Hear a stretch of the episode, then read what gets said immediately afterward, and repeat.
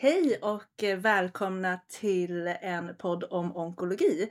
Och eh, idag har vi eh, tänkt oss ett avsnitt av Onkologispanarna, det första avsnittet av Onkologispanarna. Och det ska bli jättespännande. Vi tänkte att vi skulle ha ett format som att man, vi ska diskutera lite aktuella ämnen som kan röra en onkologs vardag.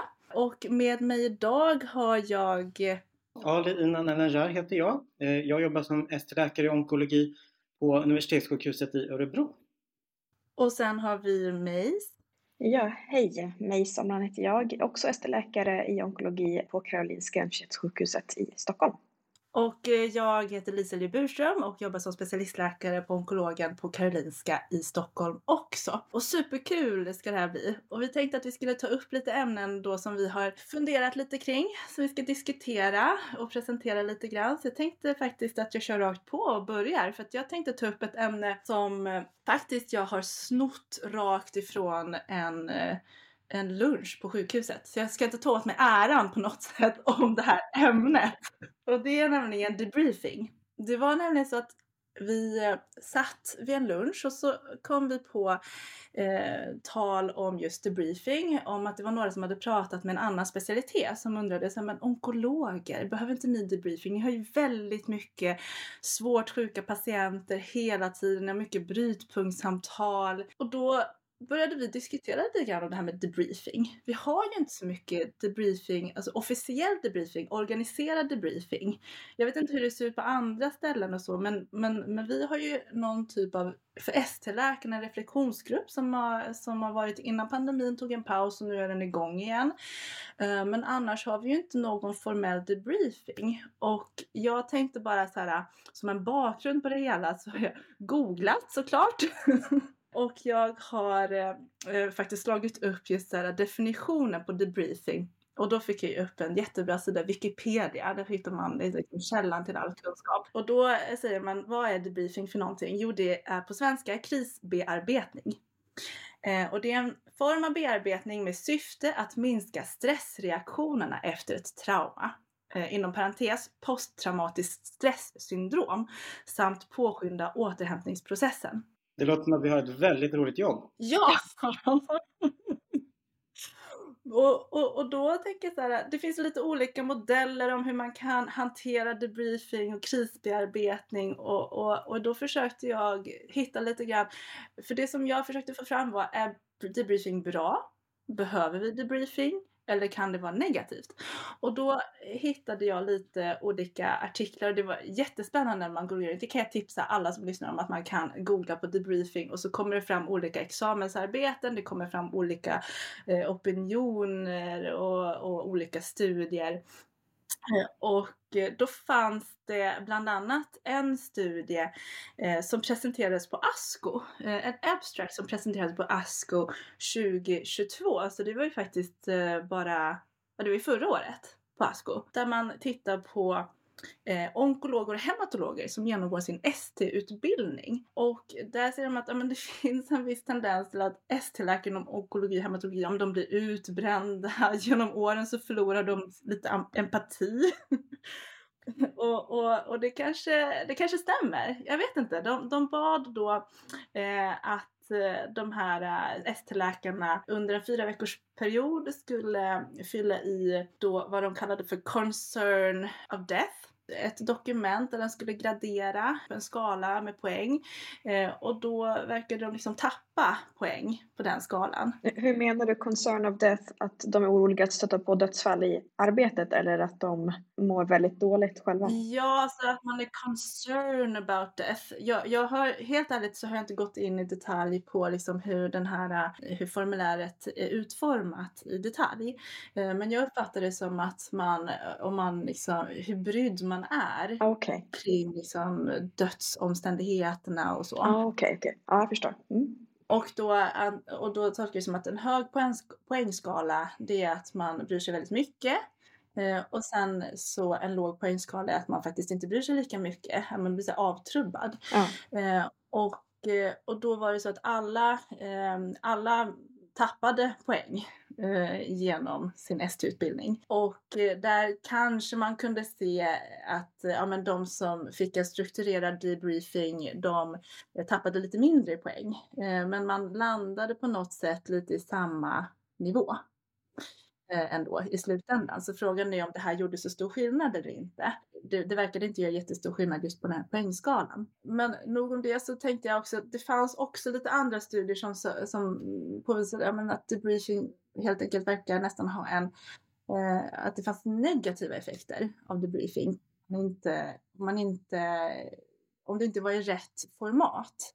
Eh, att man till exempel skulle vi återuppleva den här traumatiska händelsen. Att man snarare liksom fick mer stresspåslag och att det blev negativt helt enkelt. Och det eh, som summan och kardemumman av det hela verkar ju vara då att Eh, det fanns inte så bra konsensus kring det. Jag kunde inte komma fram till om det var bra eller dåligt men debriefing. Det verkar vara högst individuellt vad man behöver. Men sen funderar jag lite på liksom hur vi har det i våran vardag. Hur gör ni? Uh, har vi, debriefar vi? Vad gör vi för någonting? Jag känner att vi, vi har oftast väldigt mycket informell debriefing. Eh, att man, att man pratar med sina vänner, kollegor, familj.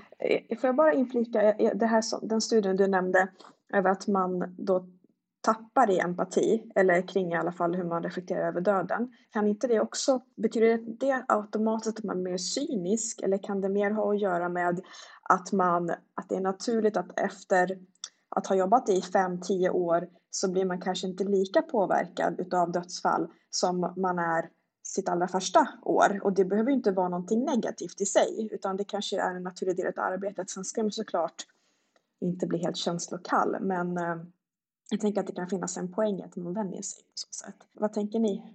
För det, det tror jag, så blir det ju efter ett tag. Och så vissa patienter kommer man såklart alltid bli extra påverkad av eh, på grund av olika omständigheter ändå. Ja, men precis.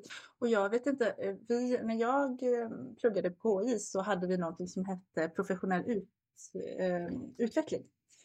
och då skulle man faktiskt skriva en uppsats där i slutet när man blev färdig eh, om just empati sympati och hur det hade utvecklats genom läkarprogrammet. Och jag tror ju att ju mer fall man träffar desto liksom, mer vardag blir det ju.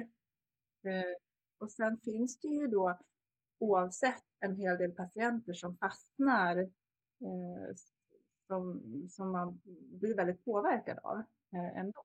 Ja men så tror jag det alltid kommer vara. Annars upplever jag det som att man, eh, eller i alla fall jag ofta, om man har varit med om någonting jobbigt så är det skönt att prata om det ganska omgående. Och då väljer man ju kanske de vänner som man kan prata med som man känner man har förtroende för som, som eh, vet vad det handlar om eller kanske i familjen. I, mitt fall så eh, kan jag avslöja att eh, eh, jag brukar inte prata om det här med vänner eller familj för de tycker att det är så otroligt eh, jobbigt att jag jobbar med cancer i sig så att där funkar inte en debriefing. Men däremot så gör jag det gärna med kollegor på jobbet. Eh, det tycker jag är eh, väldigt värdefullt om man kan dela erfarenheter. Eh, klassiskt i omklädningsrummet faktiskt har det hänt en hel del debriefing. För min del i alla fall.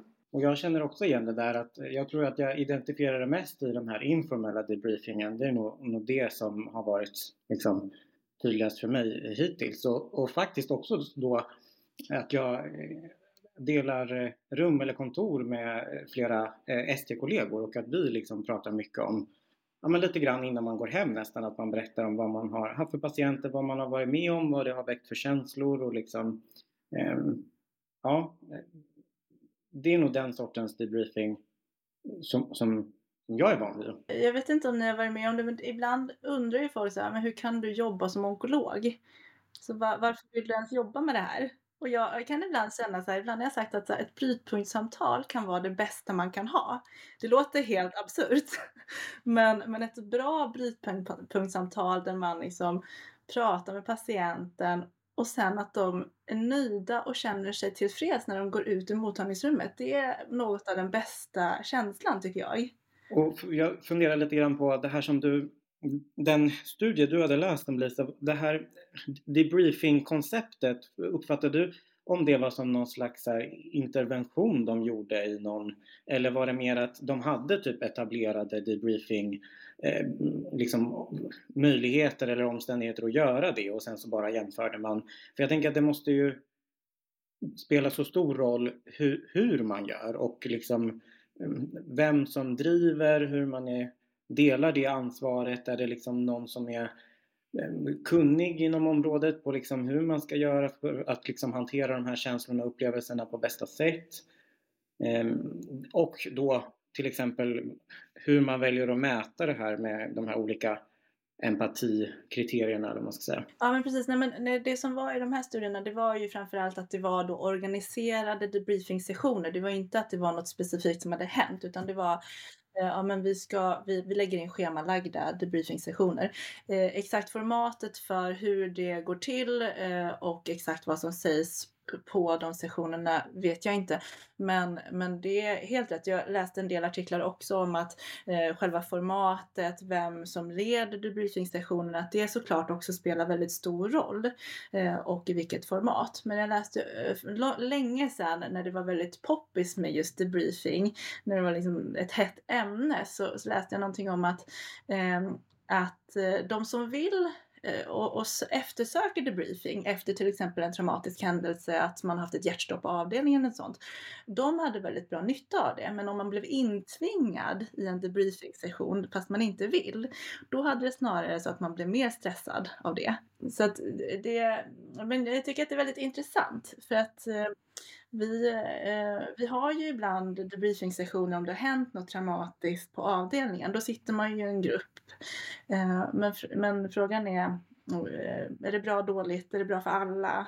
Vilka har nytta av det? Men jag tänker också det att eh, om man backar lite och tänker på vilka blir onkologer? Jag tror kanske att vill man bli onkolog eller är man onkolog så är man inte den som i första hand räds svåra samtal eller existentiella frågor eller döden, eh, då hade man kanske, ja, då hade man väl inte alls valt den här specialiteten. Och så redan där tror jag att man har en utgångspunkt i att, att det, vad ska man säga, kanske, att man kan hantera det på ett bra sätt, oftast, inte alltid.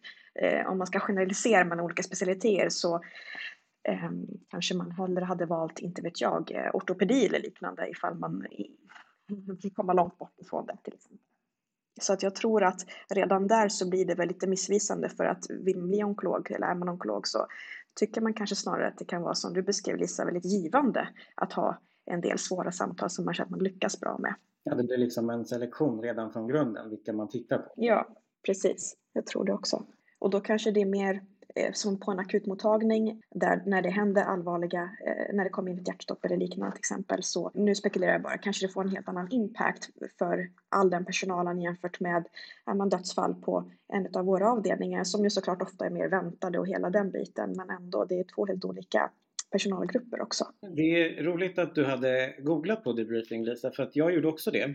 Och jag fick upp eh, någon så här, nu är det här en, en engelsk beskrivning. Den första som jag fick upp var A meeting to question someone, typically a soldier or spy, about a completed mission or undertaking. Så att det finns ju liksom debriefing i liksom andra verksamheter än bara sjukvård, uppenbarligen. Ja, och det hade ju varit intressant också. I den verksamheten. Eh, ja, men kanske nog om debriefing då. Ska vi gå vidare? Mace, du hade också en, spaning som du hade. Ja men precis eh, och eh, ja, det handlar om ett helt annat ämne men jag har tänkt på att vi senaste ja, inte vet jag, 5-10 åren så har vi fått allt mer, eller fler behandlingar, nya läkemedelsklasser, avancerade eh, historier och protokoll och biverkningar och allt vad det innebär. Eh, som såklart är jätteroligt för att det innebär också att många fler patienter eh, kan få bli botade eller leva mycket längre än tidigare. Eh, så hela den aspekten är jättespännande eh, att få vara med på den resan. Men jag tänker också att eh, vi nu kanske står lite med inför ett generationsskifte vad gäller våra patienter. Att det är allt fler som kanske är födda på 70, 80, tyvärr ibland över 90-talet eh, och Eh, återigen, nu generaliserar jag, men jag tänker att som grupper så kanske man då är mer benägen att eh, ställa frågan till sin läkare, vad kan jag göra för att påverka utfallet av min behandling eller min prognos eller liknande. Eh, jag tänker mig att är man i 60-70-årsåldern så kanske man oftast inte är lika benägen att ställa de frågorna. I alla fall så har jag upplevt det så när jag har träffat mina patienter. Och eh, jag tänker också att det är ett sätt för patienten att försöka ta lite mer kontroll över sin behandling och sin tillvaro och hela det här eh, som ju kan vara såklart väldigt omvälvande. Ehm, och eh, jag har varit med om framför allt eh, att eh, patienter efterfrågar men dels lite olika kosttillskott. Man tar med sig en påse fyller med massa grejer och så ska man försöka ge något vettigt svar där. Det är det ena. Det andra är det här med socker eh, och kost och vad ska man äta, vad ska man inte äta? Och det tredje som vi faktiskt ändå har en del belägg för och jag gjorde så att jag googlade inte utan jag gick in på Update som är min favorit go-to.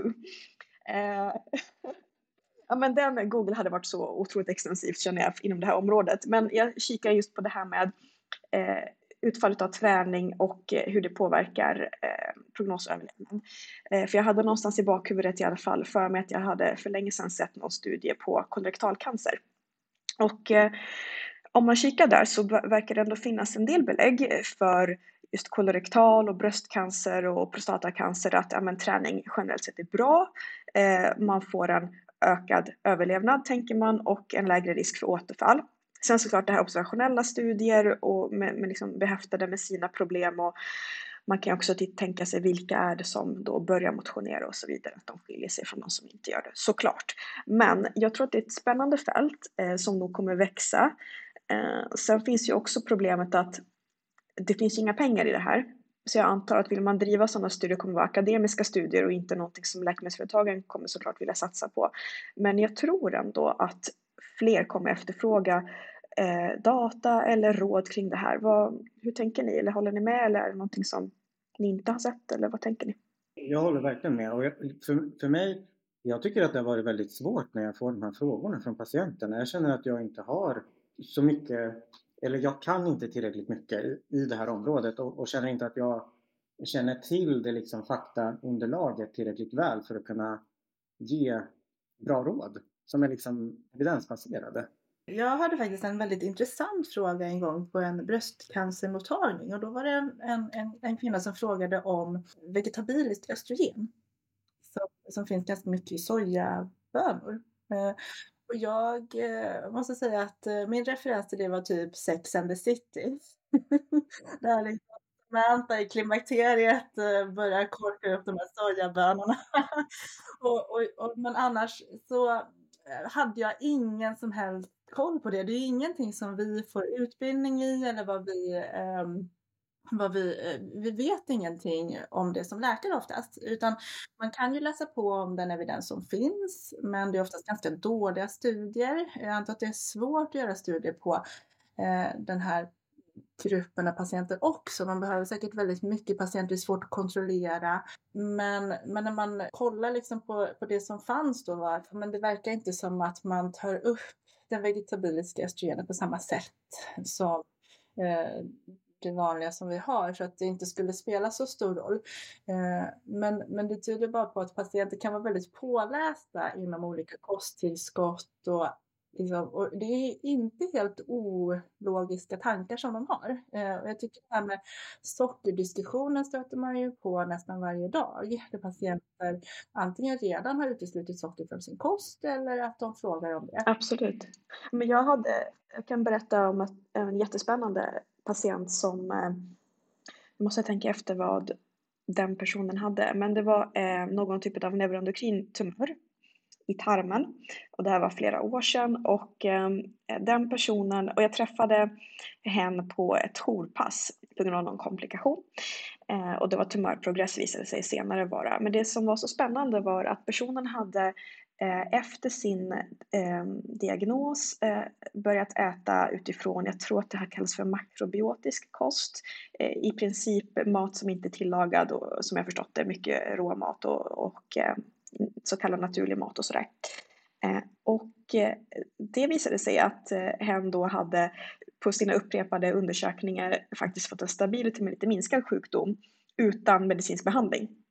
Nu är det här verkligen en person, men det var otroligt, det var häftigt och jag såg det i flera läkaranteckningar att man noterade just detta. Och jag tror det höll i, jag minns inte, två Eh, och det var inte riktigt enligt med naturalförloppet som det brukar vara för just den här diagnosen. Eh, och personen var ju helt övertygad om att ah, men det är det här som har, ja, som har hjälpt mig. Och var också såklart väldigt glad över att eh, hen själv hade gjort någonting. Så det finns ju sådana enstaka historier som, man, som gör att man blir nyfiken och googlar eller börjar läsa på. Eh, men annars håller jag med om att vi är ju inte tränade för att kunna sekundärprevention utan vi är tränade i ja, läkemedelsbehandling och, och hela den biten. Men eh, jag tror att Cancerfonden satsar rätt stort nu på prevention till exempel. Och det är ändå vägen framåt. Det bästa är ju såklart att inte bli sjuk i första taget och sen då såklart minska risken för återfall. Så jag tror vi kommer tvingas bli bättre på det här eller kanske tvingas designa bra studier framöver ändå. Och jag tänker att det här liksom, det kommer nog säkert att vandra in från det här med vad man kan göra med livsstilsfaktorer för att förebygga återfall till att också bli en fråga om vad kan man göra som patient förutsatt att man har en kronisk tumörsjukdom och får någon form av behandling. Liksom, vad kan man göra eller kan man göra någonting för att öka chanserna att man får effekt av en behandling eller att det gör nytta på något sätt. Och jag tänker en del av det som snackas kring till exempel immunterapi med checkpoint-hämmare är ju liksom eh, mag-tarmfloran. Och, och, och, den vet man ju att man kan påverka beroende på vad man äter och vad man dricker och, och, och sådana bitar. Och jag minns att jag såg ganska nyligen, jag skummade bara igenom någon artikel om när man publicerade JAMA som handlade om, om eh, patienter, det var ett ganska begränsat antal, de var kanske i alla fall under 100 och det var någon form av observationsstudie. Men de hade i alla fall eh, en eh, spridd melanomsjukdom och man såg att de patienter som åt en medelhavskost eller medelhavsdiet de svarade i större utsträckning på immunterapi jämfört med den andra då, gruppen. Det här är ju liksom verkligen inte nå, nå, någonting man kan dra några stora slutsatser ifrån. Men jag tänker att det finns ett sådant intresse även på den liksom metastaserade sidan och liksom vad kan vi göra för att våra behandlingar ska göra större nytta. Det är skitspännande. Ja, men jag tycker det är jättespännande fält det här och, eh, och jag tror att det är någonting som ligger många patienter väldigt eh, varmt om hjärtat. För att eh, när man är patient i den här situationen så är man ju väldigt maktlös. Det är ju många som känner att vad kan jag göra själv? Kan jag göra någonting själv? Precis som du sa Mis. Och att kunna ja, känna att ja, men om jag går på en promenad om dagen så ökar det mina chanser att klara mig genom en behandling behandling eller att man kan bromsa förloppet på något sätt genom att inta en viss typ av kost eller undvika någonting eh, och fortfarande må bra på det. Då, eh, det känns som att det är, eh, det är något som vi måste bli bättre på. Jag brukar faktiskt, jag kom på nu, en sak jag alltid ändå tar upp, det är när man har patienter på nybesök och ska informera om cytostatikabehandling. Man pratar om det här med att det finns en risk att man drabbas av fatig. Eh, och då brukar jag ändå alltid göra en poäng av att ta upp att eh, den enda behandlingen vi känner till som hjälper är just eh, eh träning eller eh, aktivitet. Mm, så det är ju ändå något. Och jag vet också att läkarstudenterna i alla fall i Stockholm det ingår i ett av deras seminarier, för det brukar vi prata om där. Eh, så att de får med sig det också från grundutbildningen. Så där har vi i alla fall en aspekt som jag tror ändå att vi är ganska bra på att informera om, även om det är en liten bit. Eh, som ju påverkar livskvaliteten oerhört mycket om man kan komma till bukt med det. Holly, du hade också en, ett ämne som du hade funderat på. Ja, jag har eh, funderat och tänkte ta med liksom till den här virtuella panelen. Eh, jag funderar lite på det här med eh, hur cancersjukdom och behandling av cancer, eller kanske snarare livet med tumörsjukdom porträtteras i liksom dels populärkulturen, alltså vanliga medier, men också i, i, sociala medier och hur det kan påverka relationer och förväntningar hos patienter och onkologer. Jag tänker liksom att det här fenomenet egentligen kan delas upp i två olika delar. För det första har ju funnits en längre tid, alltså upplevelser kring cancer i filmer och serier och ofta mer liksom fiktiva berättelser. Även om jag tror att även de inslagen har liksom blivit mer vanliga på senare år jämfört med typ så film från 70-talet eller något. Men med bakgrund i sådana medier så kan man ju träffa på olika föreställningar eller förväntningar från patienter om hur livet kommer bli. Där i alla fall det mest klassiska för mig de gånger jag har träffat på det är att eh, man har träffat en patient som har sett i någon film eller i en serie en cancersjuk person som får cytostatika och sen går hem och kramar om toaletten och kräks liksom in i oändligheten och det är en liksom en stor händelse. Jag vet inte om ni känner igen det. Men... Absolut, det brukar vara en farhåga. Exakt, verkligen. Och, och, det är ju en väldigt konkret bild att ha framför sig och Eh, de blir ofta liksom väldigt lättade varje gång man säger att så behöver vi inte ha det. Och, och det är ju som du säger mig en farhåga som är, och den är förhållandevis lätt att prata kring och det finns liksom olika konkreta medel att utgå ifrån med liksom antiemetika och sånt. Men samtidigt så tänker jag ibland att vi börjar influeras mer och mer av moderna medier där liksom trenden går mot att vi delar med oss av liksom allt mer personliga saker med andra. Ibland till och med människor som vi inte känner. Och det betyder liksom inte bara att man kan få reda på, jag vet inte vad Beyoncé åt till frukost eller något. Alltså det är väl inte kanske sånt hon postar men... Liksom, vad hon vill att vi ska tro att hon åt till frukost. Men att det blir också sådana här personliga historier och vad som drabbar oss och också liksom cancersjukdom. Och de historierna är inte lika fiktiva. Och, och, det kan ju liksom vara allt möjligt. Det kan vara någon som intervjuas i TV-rutan och berättar om sina upplevelser eller något inlägg i sociala medier som dyker upp när man scrollar. Och, eller ett samtal i en podd, jag vet inte. Men jag tänker att det oundvikligen blir så att man som cancerdrabbad eller anhörig till någon med cancersjukdom liksom, åtminstone om man konsumerar media, får ta del av sådana berättelser. Och jag tänker att det är jätteviktigt. Det är ju liksom en väldigt bra styrka. Det kan liksom inspiration, skapa gemenskap och bli något slags sätt att organisera sig. Mina tankar eller funderingar kring det här handlar inte om att jag vill ifrågasätta det här, för det är ju liksom ett modernt fenomen som är här för att stanna. Utan jag har bara tänkt på om det finns liksom en annan sida av samma mynt, att det kan på något sätt skapa osäkerhet och, och, frågor om vilken livsstil som är rätt och det anknyter lite grann till det här med liksom kost och, och, och träning och sådana livsstilsvanor. Eller också liksom varför en viss behandling fungerar för någon och inte en annan. Eh, och i vissa fall, absolut inte alla, men i vissa fall kanske något inslag av skuld eller skam för att man liksom inte kan eller förmår hantera sin, sam, sin situation på det sätt som man ser att andra gör. Förstår ni vad jag menar? Att det, eh, jag vet inte, tror ni att det är det att överanalysera en sån, ett sånt fenomen eller kan det finnas sådana aspekter? Men jag ser egentligen att det finns, eh, det finns två sidor, precis som du säger. Att det finns en positiv sida där man kan bli inspirerad, man, man känner en slags gemenskap kring det här. Och jag tycker att det är väldigt tufft av någon att vilja vara offentlig med en så svår sjukdom. Att ha Eh, en cancer eller egentligen vilken sjukdom som helst som är kronisk, att vara svårt sjuk och dela med sig av det. Eh, det tycker jag är väldigt starkt av den personen att orka med det. Sen så vet vi ju alla att sociala medier eh, oavsett liksom vilket format speglar ju sällan hela sanningen.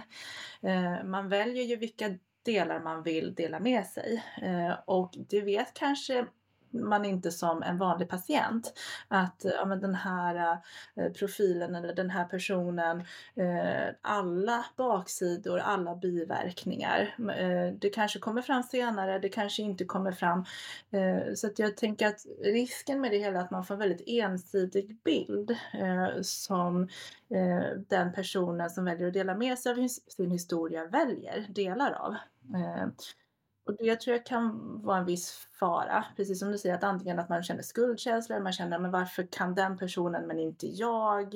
Eller att man säger men jag vill ha den där behandlingen eh, fast det inte passar. Jag håller med båda jag tänker också att det kan bli ett narrativ utav eh, som jag har jättesvårt för personligen, det här med kampen mot cancer. Och då menar jag inte, det är klart att det är en kamp mot cancer generellt, att vi som samhälle och forskare och allt möjligt eh, ska bekämpa cancer.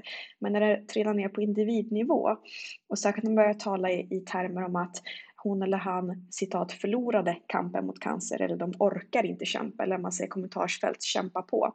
Där tycker jag att det kan bli riktigt problematiskt att och verkligen vara en grund till möjlig liksom, skum, eh, skuld eller skam att man, jag orkar inte eller jag eh, eh, klarar inte av fler behandlingar eller vad det nu kan vara för någonting. Och särskilt om man ser en annan person som har kanske till synes samma diagnos som mig själv men där den personen eh, ja, men äter enbart, eh, inte vet jag, vegansk föda och, och tränar och liknande och då verkar det gå bättre. Det, det blir ju, och det är egentligen baksidan med all sociala media och det går ju igen även i det här fältet. Det är ju samma som Beyoncé som du pratade om tidigare Ali, att ja, men, varför äter inte jag lika nyttig frukost som Beyoncé? Då hade jag kunnat se ut som henne till exempel, eller hur? Men det här blir såklart mycket allvarligare, eller kan bli allvarliga konsekvenser och för de här personerna alltså, eller patienterna som ändå redan har något att hantera, tänker jag.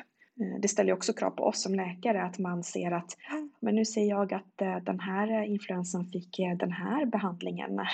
Varför får inte jag den som du var inne på Lisa? Det blir ju också knepigt att sätta sig in i men det, jag tycker det är bra att patienter utbildar sig generellt sett. Ju mer påläst desto bättre. Det, de ska ställa krav på oss. Absolut. Och, och vi måste ju våga kunna ta de diskussionerna ja. utifrån liksom det vi vet på något sätt.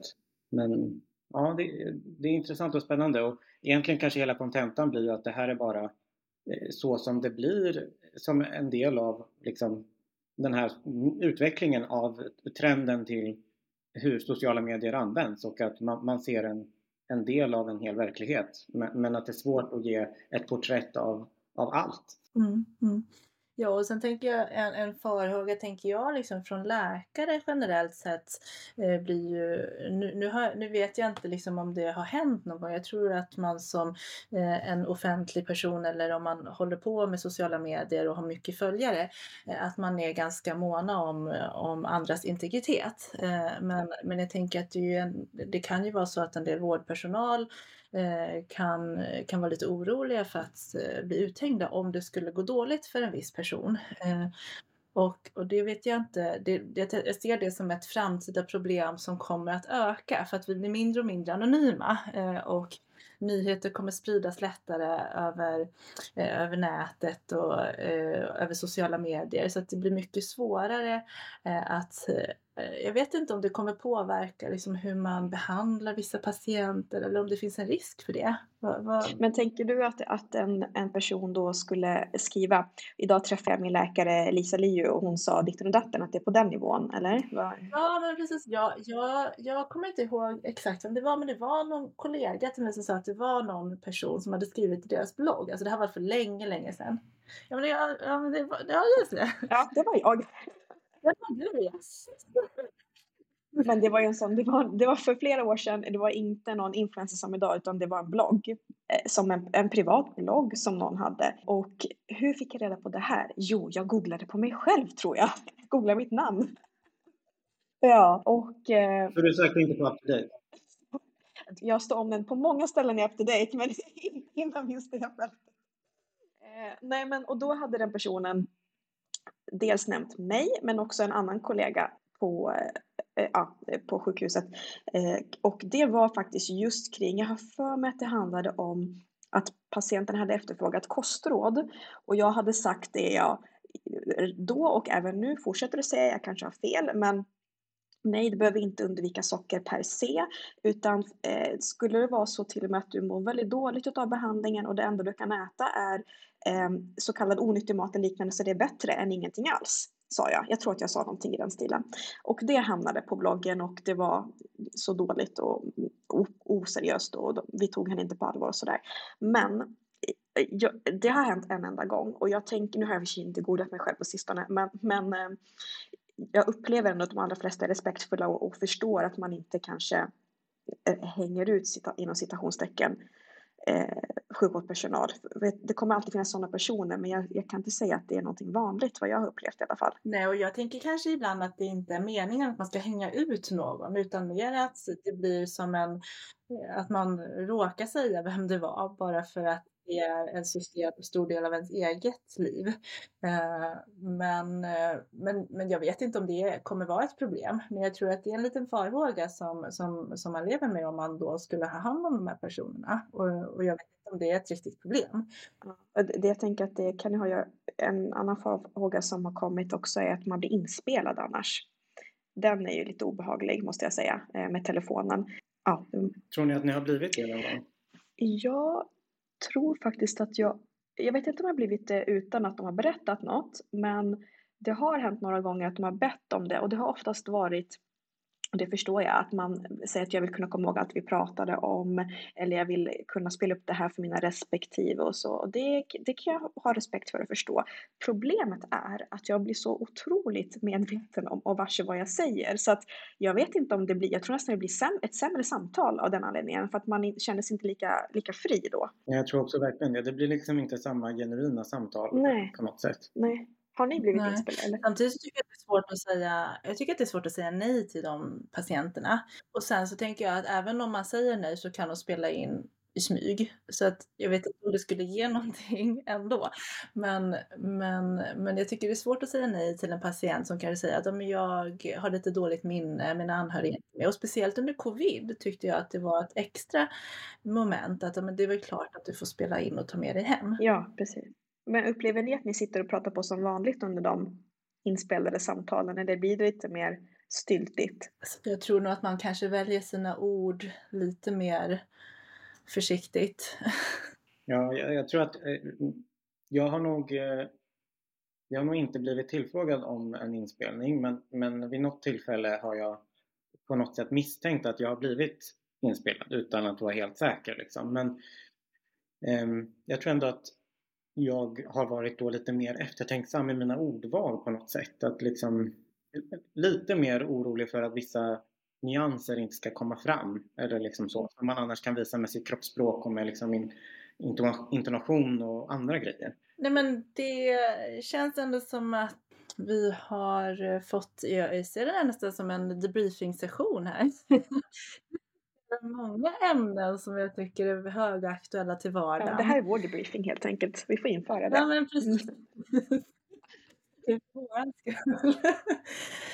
Nej, men så jag tänkte att vi skulle kanske avrunda lite grann och sen så tar vi med oss nya ämnen till nästa avsnitt. Definitivt. Tack så jättemycket för ett bra samtal. Ja, verkligen. Tack detsamma. Och som vanligt om det är någonting som eh, man som lyssnare har att eh, komma med olika förslag eller feedback på något sätt så eh, kan man mejla. Och mejladressen finns på onkologi.org. Och eh, den här podden finns på Spotify nu såg jag och där, där fanns det en mail. Ja, och adressen om man vill höra av sig är podd.onkologi.org. Bra, bra. där kan man höra av sig. Bra, men då så. Tusen tack Ali och Meis. Tack Lisa, tack Ali. Tack, tack. Ha det bra. Hej. Vi ses. Vi ses. Ja.